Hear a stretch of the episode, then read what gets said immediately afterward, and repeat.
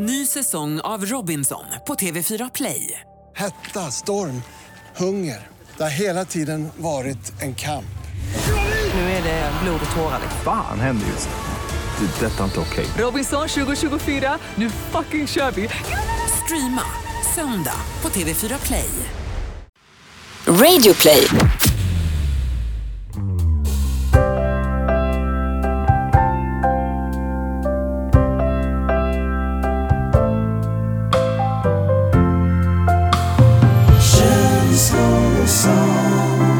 Här är känslor och sånt. Det är, eh, det är Kallis och Nickis, de eh, två oerhört eh, kompetenta, intellektuella och eh, gemytliga eh, ånggobbarna som eh, är här igen som vanligt för att eh, snacka om ditt och datt. Tjena Niklas! Tja gobben! Hej, vad kul att se dig. Ja detsamma, det var inte igår. Nej, du jag måste börja med att berätta om en fantastisk dröm jag hade i natt. Skjut, jag vill höra allt. Jag drömde att jag vann 82 och en halv miljoner kronor. Ja, var- Exakt 82 och en halv. Ja, jag vet inte varför jag drömde att det var just var 82,5 miljoner, men det var det jag vann i alla fall. Och det var helt fantastiskt. Jag tror fan. Jag tror att det, det hade lite att göra med det här att eh, jag är tillbaka på jobbet och insåg att fan man vill ju inte jobba riktigt. Eh, och därför undermedvetet så drömde jag en dröm om att jag inte behövde jobba mer, för det behövde jag inte göra sen när jag hade vunnit de här 82,5 miljonerna. Utan jag kunde bara gössa Ja men vad gjorde du för dem då i drömmen? Eh. Eller hur tänkte du? Ja, men då kom jag på i drömmen också, jag var väldigt ändå eh, smart i drömmen. Intellektuell! Ja, jag, jag insåg någonstans att eh, jag kan inte ha de här miljonerna på fickan helt och hållet, utan jag investerade i såna här så kallade fonder, eh, fastigheter, eh, värdepapper. och, eh, men sen så drog jag bara ett halvår till Bali och surfade och skrev på eh, min bok. Mm, Sen så köpte jag mig eh, framgång. Jag, jag kom med, du fick också en, en, en del pengar faktiskt. 17,50. Ja, du fick Schysst. Nej, du fick, du fick faktiskt jättemycket pengar av mig. Jag var ju riktigt snällis i drömmen. Jag köpte mig också, eller jag köpte känslor och sånt, massa fame, Mhm. genom affischering över Uff. hela stan och så spelade vi in en, en låt tillsammans som vi liksom köpte oss hela vägen upp till Spotify topplist etta liksom. Hur mycket pengar skulle du behöva för att slippa oron i maggen? Alltså egentligen inte, egentligen inte så mycket. Alltså man har ju så man klarar sig liksom. Mm. Men, Men, för att bli eh, så riktigt lycklig? Ja men det är det, jag har ingen aning för jag, jag har ingen perspektiv riktigt på pengar liksom. Nej. Jag vet inte vad som är, Eh, alltså jag kan tycka att 10 000 känns jäkligt mycket också. Ja. Eller, eh, men det är klart ett par, ett par miljarder skulle ju inte sitta fel innanför smokens byxlinning om man säger så. Nej, skulle klä dig kompis. Men det var en, det var en härlig, en härlig dröm jag hade. Sen vaknade jag upp och så insåg jag att jag måste åka och träffa Niklas. Och nu är vi här. Och vi hade ju tänkt att vi skulle ta och käka lunch först, sa ja. du. ja, lunchmöte är alltid trevligt. Ja, vi, En lus, Ja. lunch utan slut.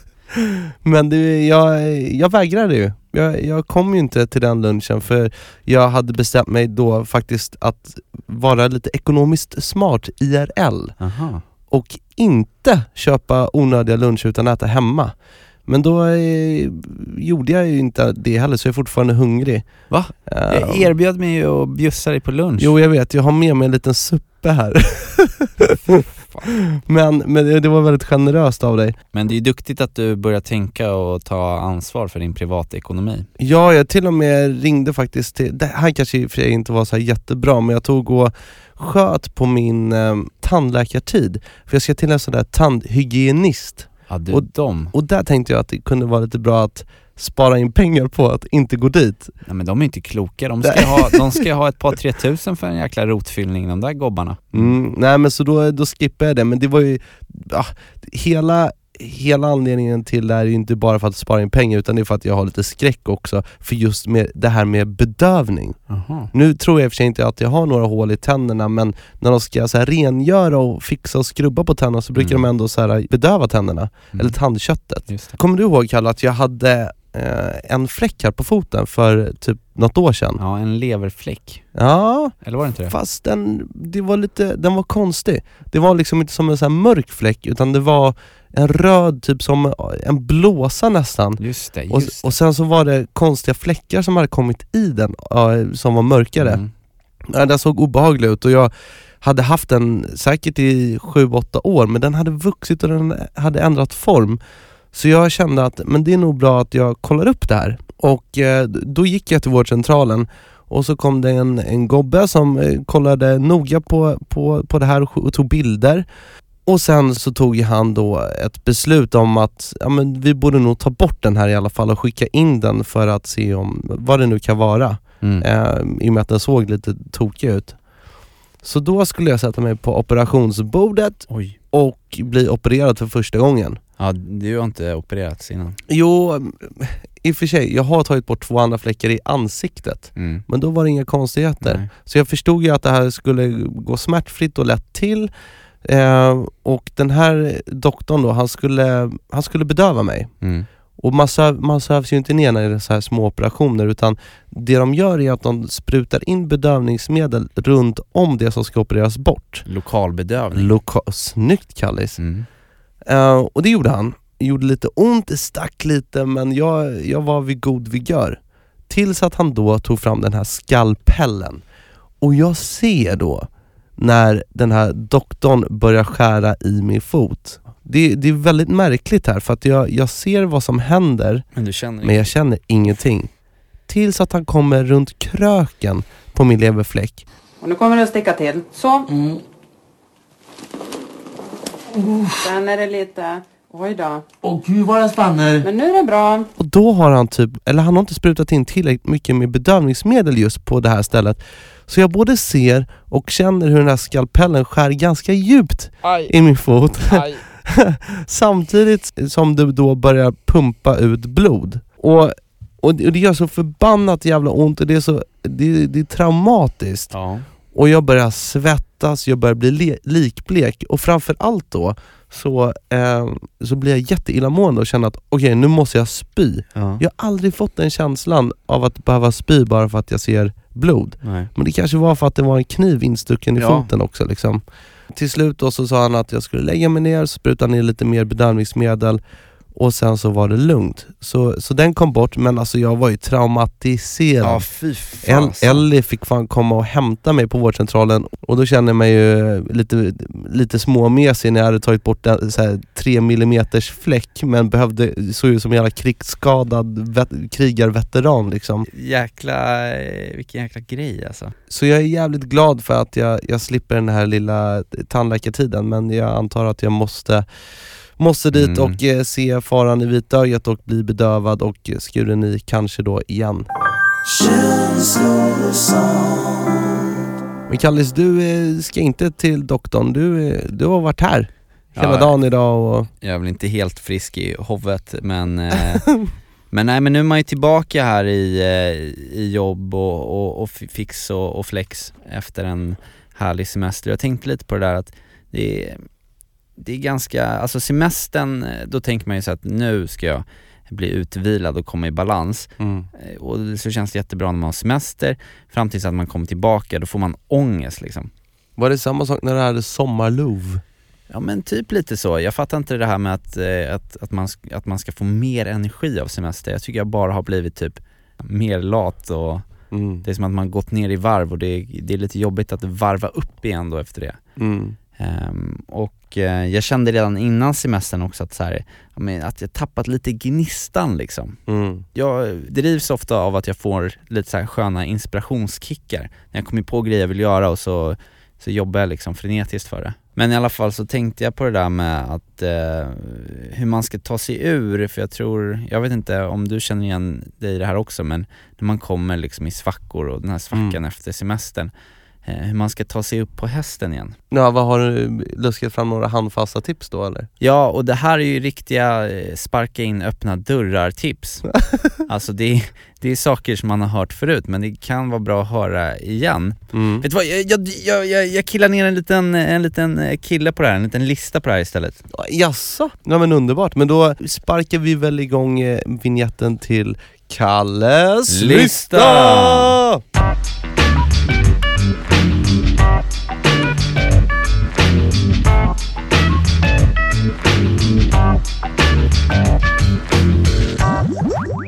Du är tillbaka alltså nu från semestern eh, till jobb och skola och känner dig helt lost. Du, man drabbas av en så kallad eh, traumatisk efter semestern ångest. Åh gud. Och då kan det vara bra med nummer ett, rutiner. Vilken jäkla öppen dörr jag sparkar in där. Men i alla fall, under sommaren så blir det ju många sena kvällar, långa sovmorgnar och eh, bortglömda luncher. Vilket kan vara underbart en kort period. Men för att komma igång ordentligt till hösten behövs det fasta rutiner. Mer än man kanske kan tro. Att somna, äta och vakna vid ungefär samma tidpunkt varje dag kan göra eh, underverk för din psykiska hälsa. Nummer två. Lapa sista dropparna av D-vitamin. Skolbänk och kontor är ofta förknippat med många timmar inomhus trots fint sensommarväder. Ta tillvara på den tid du kan vara utomhus för att eh, man börjar jobba så här i augusti liksom. Mm. Men då är det fortfarande rätt nice ute, så ta med lunchlådan ut till närmaste park, ta en promenad med någon polare på eftermiddagen eller gör läxorna i trädgården liksom. Nummer tre, planera. Visst, alltså det är alltid roligt och spännande att vara spontan. Det gillar jag också. Men just när hösten kommer igång och du ska börja få fritiden att fungera ihop med jobb eller plugg slipper du mycket stress genom lite planering. Och det här, jag märker det själv när jag kommer tillbaka och inte någon koll på vad som händer. Då är det bra att planera upp lite några veckor framöver. Det här måste, det här måste jag göra. Eh, och sen nummer fyra, sätt upp mål. För många blir vardagen lite lättare om man har ett mål att sträva efter. Mhm. Du vill kanske komma i bättre form eller du kanske vill eh, eh, klara av att, eh, ja men inte vet jag, gå ner några kilo i vikt eller om du har ett mål att börja på en, lära dig en ny sak. Så sätt upp ett mål som du har någonting att sträva efter. Mm. Men kom ihåg att eh, knuffa bort den där prestationsprinsessan inom dig och sätt Mm. inte upp för många och för stora mål. Eh, för då är det ju lätt att den här så kallade peppande effekten istället byts ut mot stress. Så att sätt upp några lite så här små mål. Har du några mål? Jo, men alltså jag, fan Kalle, du vet så här, jättebra lista, absolut. Lite, liten golfapplåd för den. Mm. Men kan man få breaka ner det här, så förespråkar du rutiner. Du förespråkar att lapa i sig de sista dropparna av D-vitamin. Planera! Sätt upp, alltså det är ingenting av de här grejerna som varken du eller jag är bra på, eller som jag vet att du inte ens trivs med. Kanske det här med att ha lite rutiner på träning, Ja. men, men vad- det här låter ju inte som du Kallis. Jag snodde den från Veckorevyn. jag har inte skrivit en lista. Jag snodde den från nätet bara. Jag måste säga det. Ja, men var fasen, det är ju fint att du är ärlig, för jag, det jag tänkte säga var så här. Vem är du? Du är, du är en jävla gycklare här, du är en riktig gycklare Jo men alltså, alltså i teorin så är det riktigt bra grejer.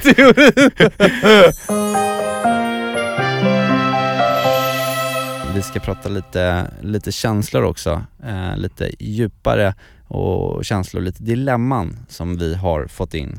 Ja, vi är ju så otroligt tacksamma för att det fortsätter strömma in eh, ja, men dilemman och kommentarer av dessa olika slag, både på vår Instagram, på vår mail eh, och på vår Facebook. Och ni som inte följer oss redan, gör det hemskt gärna. Gå in framförallt då på Instagram där vi ibland lägger upp lite tävlingar och lägger ut schyssta bilder. Kanslor och sant understreck podcast. Men Kalle, du, har- du har plingat till där lite. Jajamän, eh, och jag tänkte först, börja här och läsa första som kommer från en eh, tjej här som lyssnar på oss. Så här skriver hon.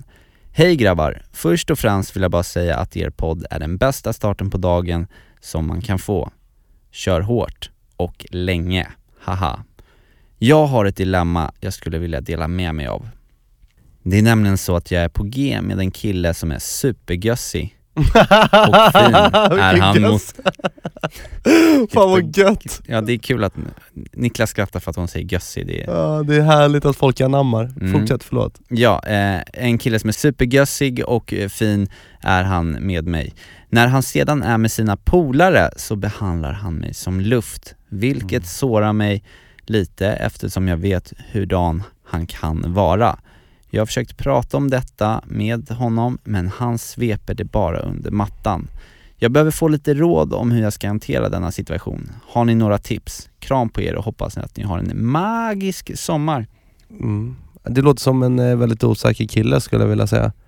Nej men det låter som, det låter som klassiska, jag tror att jag är cool framför mina polare om jag eh, behandlar min eh, tjej som luft liksom. Mm. Det här, det här är ju ett, ett, typiskt eh, scenario som finns väldigt mycket. Jag har varit med om det själv. Jag med. In, inte i exakt samma grej men jag kommer ihåg eh, när jag gick i, vad kan det vara, i början på gymnasiet. Mm. Det är inte exakt samma men det är lite åt samma håll när jag häng- hängde med ett gäng polare och så var jag lite förtjust i en tjej och som jag ehm, hade hånglat med. Mm. Och sen var det någon annan kille i mitt eh, kompisgäng som också hade strulat med henne. Mhm. Jag blir eh, sårad av det. Men istället för att, eh, att berätta det för mina polare och säga men jag hade ju känslor för den här tjejen.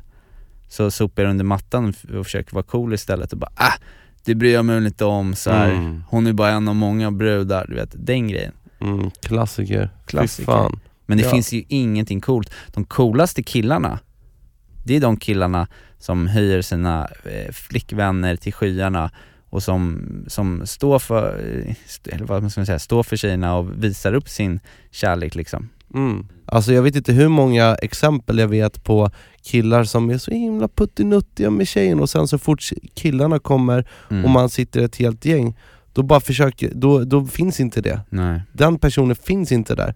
Det tycker jag är hemskt, och särskilt då för tjejen som bara som, som får se, det blir som en någon eh, schizofren typ av personlighet. Ja, och sen så kan det vara så också att om, man, om den här killen då är lite osäker på sig själv och känner att han behöver bekräftelsen från sina killpolare Mm. ehm, så, så, så skaffar han den liksom på fel sätt genom Mm. att följa med i den här jargongen eh, istället för att bara så här. ja men det här är min tjej och jag tycker hon är asnice och Mm. involverar henne. Men vad tycker du hon ska göra? Ska Ja. hon ta och, och säga det här rakt upp och ner? Ja. Att jag vill inte att du behandlar mig som luft och stå, stå för mig? Eller? Men han, ja men han, exakt, han behöver bara, han behöver få höra det.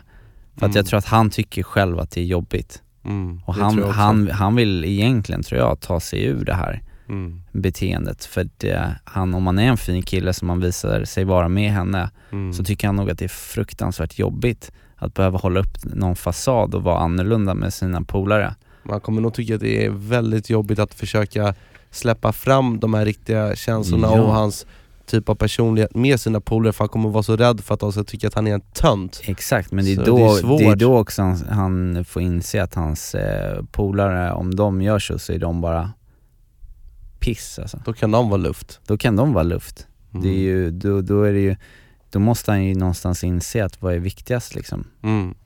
Och, och att han kanske, han insåg nog någonstans att han trivs med att vara den här fina killen som han är med den här tjejen. Mm. Varför kan han inte vara det, eller hela vägen ut? Jag tycker att hon, jag tycker att hon ska prata Mm. med honom, säga hur hon, hon känner.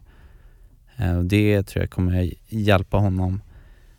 Ja, men i alla fall ta, dra, ta upp diskussionen. Mm. Så får vi se vart det tar vägen. Men vi önskar dig all lycka. Tack för att du skriver in till oss. Jag och Niklas kan också prata med honom om du vill. Ja, Det kan vi göra, vi kan ringa honom. ja på tal om det, vi måste ändå säga det Kallis. Ja. Vi hade ju faktiskt ett, ett gäng gobbar här idag. Ja, så himla roligt. Jag har ju då eh, connectat eh, mitt telefonnummer till vår Instagram-sida. eh, mest för att ja, man kunde göra det, men det har inte plingat till där. Men så häromdagen så fick jag ett sms från en kille som heter Oskar som är från Mölndal utanför Göteborg. Och han skrev, jag kan, kan läsa upp faktiskt vad han skrev. Mm. Tjena Nicke och Kalle. Jag har under de senaste månaderna lyssnat igenom eran podd och tycker den är grym. Jag är på besök i Stockholm några dagar, hade varit coolt att få träffa er i verkligheten och kanske ta en bild. Och det här, det är jätteroligt. Alltså vi, vi har en känslor och sånt-lyssnare som, som är i stan. Så Ja. att eh, Oskar och hans två polare var förbi här nu innan och tog en kaffe på kontoret och var med här lite i studion och hängde. Och tog en bild också. Men vi, vi blir ju så glada, men vi, eh, vi uppskattar jätte, jättemycket att ni alla tre kom förbi. Och eh, vi har också fått in ett till dilemma, Kalle. Mm. Och då är det en tjej som skriver så här. Hej! Har lyssnat på eran podd ett bra tag och jag har ett dilemma att ta upp. Jag var tillsammans med en kille för några månader sedan. Vi var inte tillsammans särskilt länge och vi blev inte så där härligt tajta. Jag träffade denna kille genom en gemensam vän och efter ett tag umgicks mina närmsta vänner mycket med den här killen. Vi var alltså ett gäng på sex personer som bland annat gick ut och festade tillsammans och så vidare. Sedan blev jag då tillsammans med, med killen och några månader efter det så var det hela över. Jag är inte kär i honom längre men av någon anledning känns det jobbigt att behöva träffa honom. Vi sa att vi skulle vara kompisar men så blev det såklart inte på grund av att våra gemensamma kompisar vet att jag förr eller senare kommer att behöva träffa honom. På ett sätt känns det som att jag inte är redo, på ett annat sätt så känns det som att det kan bli värre med tiden. Vad tycker ni att jag ska göra? Förstår du frågan där Kallis? Ja, nej men det är ju precis. Eh, Det där är ju, det där är ju knepigt med, Ja men om man är ett gäng. mm. Jag, jag har faktiskt aldrig, förrän jag träffade min tjej Elif nu har eh, umgåtts gäng och haft gemensamma kompisar så jag har lite svårt att relatera. Nej, inte varit eh, med om Jo men man har ju varit med om det när man har, när man har dejt, om man har dejtat någon tjej och så har det tagit slut och så har hon haft eh, kompisar som är ens, ens egna också. Mm. Det, det är ju, och så, så vill man försöka vara stor i det och inte bry sig för att en sida som hon skriver där kanske säger att ja men det, det ska väl inte vara något problem. Mm. Men så tycker man att det är jobbigt ändå. Och det är okej att Mm. tycka att det är jobbigt att hänga med sitt ex för att man har känslor som inte har svalnat eller vilken anledning det är. Och det tycker jag att man kan vara öppen med att säga också. Mm. Frågan är vad killen här känner. Ja. För jag tänker att om hon inte har några känslor kvar, så även att det är jobbigt för henne att träffa honom i det här gänget, så lär det ju vara lättare att, inte ha några känslor, men tänk om han har det? Där men måste men hur, vara... hur, hur, kan det vara, hur kan det vara jobbigt om man inte har några känslor kvar? Nej men det, det är det jag menar. Ja. Så Jag- hon måste ju ha några känslor, annars är det inte särskilt jobbigt att, att kunna hänga med någon som... För hon skrev ju också att hon inte blev så här supertight med honom. Nej. Så då undrar jag faktiskt varför det. Det kan bli också vara så här jobbigt därför att eh, det blir en, en press från andra runt omkring Mm. att de ska tycka saker. Ja, alltså så här, förstår vad jag menar? Mm. Att eh, vi säger att, att jag är ihop med någon i vårt kompisgäng, Mm. Lisa, säger vi att hon heter. Och så, så tar det slut med mig och Lisa och vi hänger alla jättemycket. Och ju- jag tycker inte att, jag har inga känslor kvar för Lisa. Men alla runt omkring undrar så här, ja men tyck, tyck, tycker ni att det är jobbigt att komma på samma fest eller? Ja men det är väl ändå befogade frågor? Jo det är liksom. befogade frågor men man kanske tycker att det är jobbigt med alla andras liksom den här uppmärksamheten kring det. ja. Och att folk tänker och undrar saker. Det, jag vet inte, jag, jag, försöker bara jag, tänka. jag, tror, jag tror nog att det där, just den perioden kommer liksom viftas bort efter ett litet tag. Mm. För att, ja men det är klart att folk är nyfikna i gänget och så vidare om det är det som känns jobbigt. Och, nej men, och, men framförallt då kan det ju vara svinjobbigt om, om han känner någonting för henne. Mm. Då fattar jag att då blir det en jävla... Ja, då, och då skulle man inte ens vilja vara i det gänget om Nej. man, om man eh, är Nej. olyckligt kär så att säga. Nej, om man är olyckligt kär då, eh, och det inte finns något återvändo, då vill man ju inte träffa Mm. personen. Eller man kanske vill det, men man mår inte bra av det. Nej. Då ska man ju göra en 180 graders sväng, Mm. bort från sociala medier, Mm. sätta sig, inte sätta sig i en sån situation att man måste gå och träffa den personen och hela tiden bli påmind om sina olyckliga känslor. Precis. Så, om vi har då uppfattat det här rätt, att du eh, inte känner någonting för honom och han kanske inte känner någonting heller för dig. Så det som du tycker är jobbigt, ta och snacka med dina vänner om det, Ja. ta och snacka med ditt ex om det och försök få bort den där stela stämningen. Mm. Snack löser det mesta liksom. Ja, precis. och stort lycka till och tack för att du lyssnar på vår podd. Det är inte bara du och jag som är tillbaka från eh, semestern utan även eh, vår eh, fantastiska goda vän Peter Borossi, Åh gud vad skönt. Jag har ju haft så här super... Eh, abstinens. ja men abstinens, alltså jag vet inte om det är Peter Bra som jag skulle kunna tänka mig att det är länkat till det för senaste tiden när jag har suttit och käkat middag så har mitt ben börjat skaka upp och ner hur mycket som helst. Så jag, jag till och med köpt en sån här lite fidget spinner för att bli så lugn och skön i själen. Men jag, jag, Mhm. jag, jag tror det kan vara så att Peter Borossi är botemedlet på det här. Vad tror du Kallis? Ja, han, eh, han kliver in när eh, själen är i gungning och man behöver bara lugnas ner och komma i balans. Då finns han där, känslomästaren Peter Borossi, tillbaka nu med en lugn stund. Varsågoda. En lugn stund med Peter Borossi. I somras så träffade jag en kompis som jag inte sett på ett år. Den 26 december förra året vägde han 96 kilo och ställde sig på vågen. Och efter att ha gjort en hälsoundersökning så insåg han att det här går inte längre. Jag måste göra någonting åt det här. Så han började göra det han tyckte var roligast, nämligen att sticka ut och springa. Han började väldigt försiktigt. Men när vi träffades i somras då sprang han någonstans mellan 7,5 kilometer och en mil. En mil. Efter att ha gått ner 16 kilo i vikt så var det plötsligt möjligt. När jag såg honom då kände jag, det han har gjort det vill jag också göra. Så jag utmanade honom och så sa jag det, när vi träffas om ett år igen, då ska jag följa med dig ut och springa. Han började på 96 kilo. Idag väger han 80. Vikten är inte det stora resultatet men däremot hälsan. Och det som syns i ögonen på honom, det vill jag också uppnå till om ett år. Den där friden, den där glädjen, det lyser om honom. Det vill jag att det ska göra om mig också om ett år. Lysa. Det är väldigt många som tror att det är skillnad på kropp och själ. Och det är det på ett sätt också. När jag nu har satt igång och idrotta så visste jag som gammal elitidrottsman att någonstans här i början så kommer man komma till ett krön när det inte är roligt längre. Men det gäller bara att ta sig över det krönet så kommer allting bli lättare. Och så blir det här med att röra på sig en timme om dagen en naturlig del av livet helt enkelt. Att gå upp en timme tidigare för att gå en lång promenad, idag med stavar och jag plötsligt börjar känna att jag kommer över det där krönet. Kropp och själ hör ihop.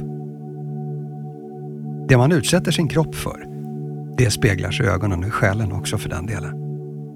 Dricker man för mycket så blir man död inombords. Rör man sig för lite så blir man också död inombords. Vi behöver alla använda den kropp vi har och jag kan garantera dig en sak. Vid alla tillfällen i livet när man har haft en kris har jag satt igång och röra på mig. Och plötsligt blir alla oöverstigliga hinder inte oöverstigliga längre. Om ett år ska Jörgen och jag springa en mil. Jag kommer dit. Och min själ, den springer tio. Tusen tack Peter Borossi, vår kompis. Mm. Du är bäst Peter. Du är fan bäst. Ja, riktigt, riktigt härlig är, är du. Och så himla gött att du är tillbaka efter semestern, jag är redan lugnare. Mm. Men eh, Kallis, nu gör vi som vanligt en eh, 180 graders sväng. Jajamän. För nu vrider vi upp volymen. Nu tar vi in det, det tunga artilleriet när det kommer till både beats och lite... Nej vi ska faktiskt inte ha några beats överhuvudtaget idag. Vet du vad vi ska göra Kalle? Nej, berätta. Veckans freestyle idag är lite annorlunda. Mhm. Mm. Kom, vet du vilken den första raplåten jag någonsin hörde var?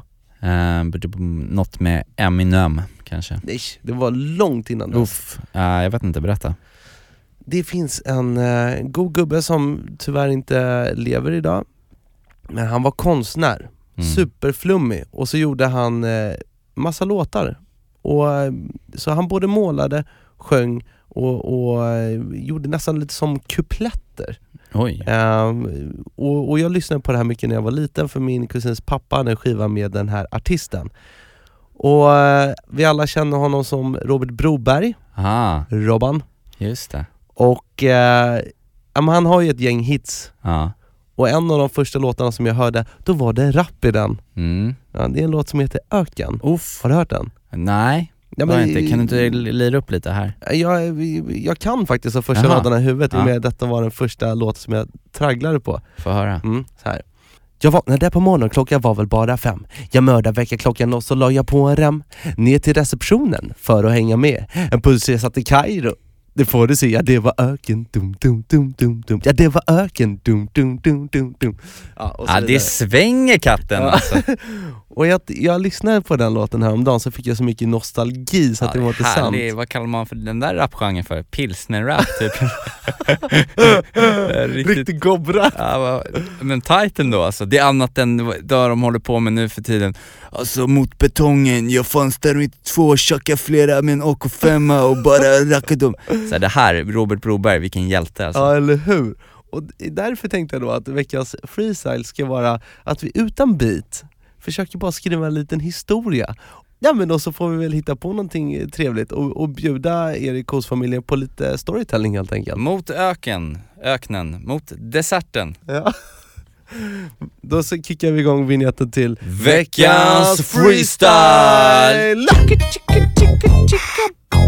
May I have your attention, please? May I have your attention, please?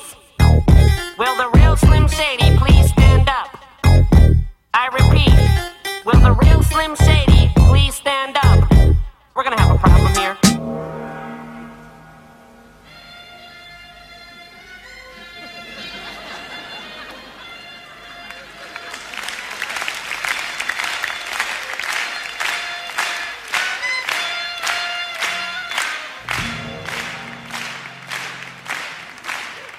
Klockan var halv tio när jag slirade ner på stan. Satte mig på bussen bredvid Bosse och en dam. Jag och Bosse snacka och Bosse slog ett vad. Att sista droppen vodka var drucken ner på stan. Vi ramlade in på krogen och frågade om ett järn. Beställde infobira i ett försök att vara modern. Men servitören streta och ställde till med spjärn. Han sa vi säljer inga drinkar i denna klädkoncern. Det var Öken! Fan vilken öken, va? Men gissa om det luktar möken. Det, var öken. Jag tänkte, Vi vandrade hela kvällen och sen så vart det natt. Helt plötsligt kom en gobbe med fjäder i sin hatt. Han räckte fram sin plunta, frågade vill ni ha en slatt? Mitt hjärta började pumpa när jag ur hans plunta drack. När jag hade smakat på slatten som han bjöd så svartnade det för ögonen för gubbe fan han ljög. Det han hade bjudit var varken vodka eller sprit. Det var bara vanligt vatten så jag och Bosse tog hans liv. Det var öken! Det var öken! jag tänkte ni som livets mening söken, försök en öken. Let's go!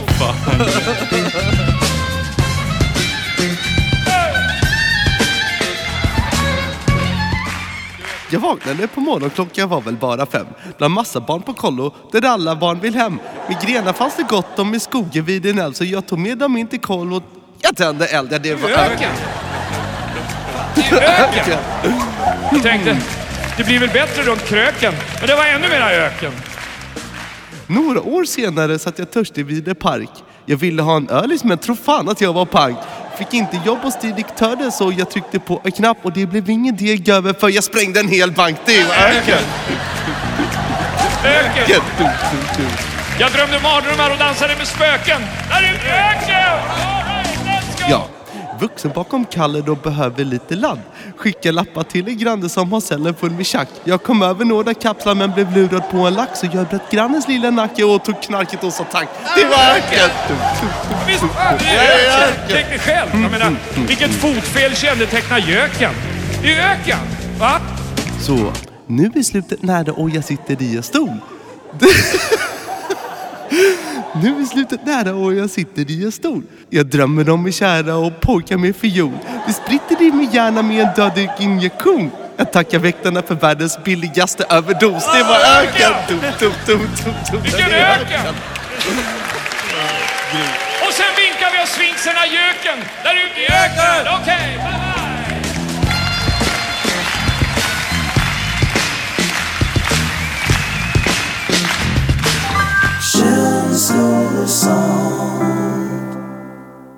Wow, bra, bra, bra! Det är storytelling på hög nivå, det är eh, känslor och sånt, det är Kallis och Nickis, gör det igen, Smack, what up? smack, smack, Mm. smack. Mm, mm, mm.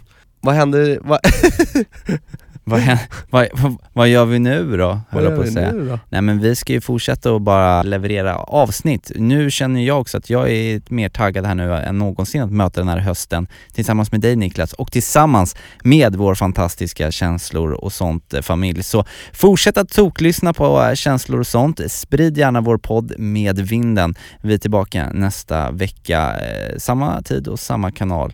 Och som Min gamla farfar brukar säga Nej men han häller upp en liten djävul akvavit gammeldansk eller kanske några beska droppar i ett litet litet nobbeglas. Han höjer upp den mot skyn och säger bara en sak. Han säger Det var öken! Det var öken! Hejdå! Ett stort glas vin En klunk lycka. Höjt över alla tvivel. Ja, det vill jag dricka. Italienskt och portugisiskt. Kaliforniskt eller franskt. Chilenskt eller bulgariskt Tyskt och spanskt I ett stort glas vin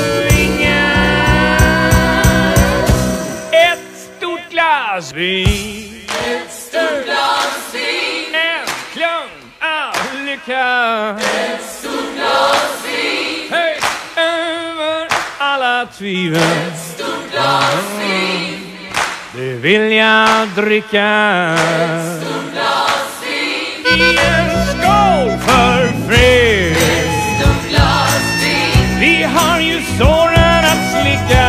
Ett stort glas vin Och låta druvans saft förena varje pojke, varje flicka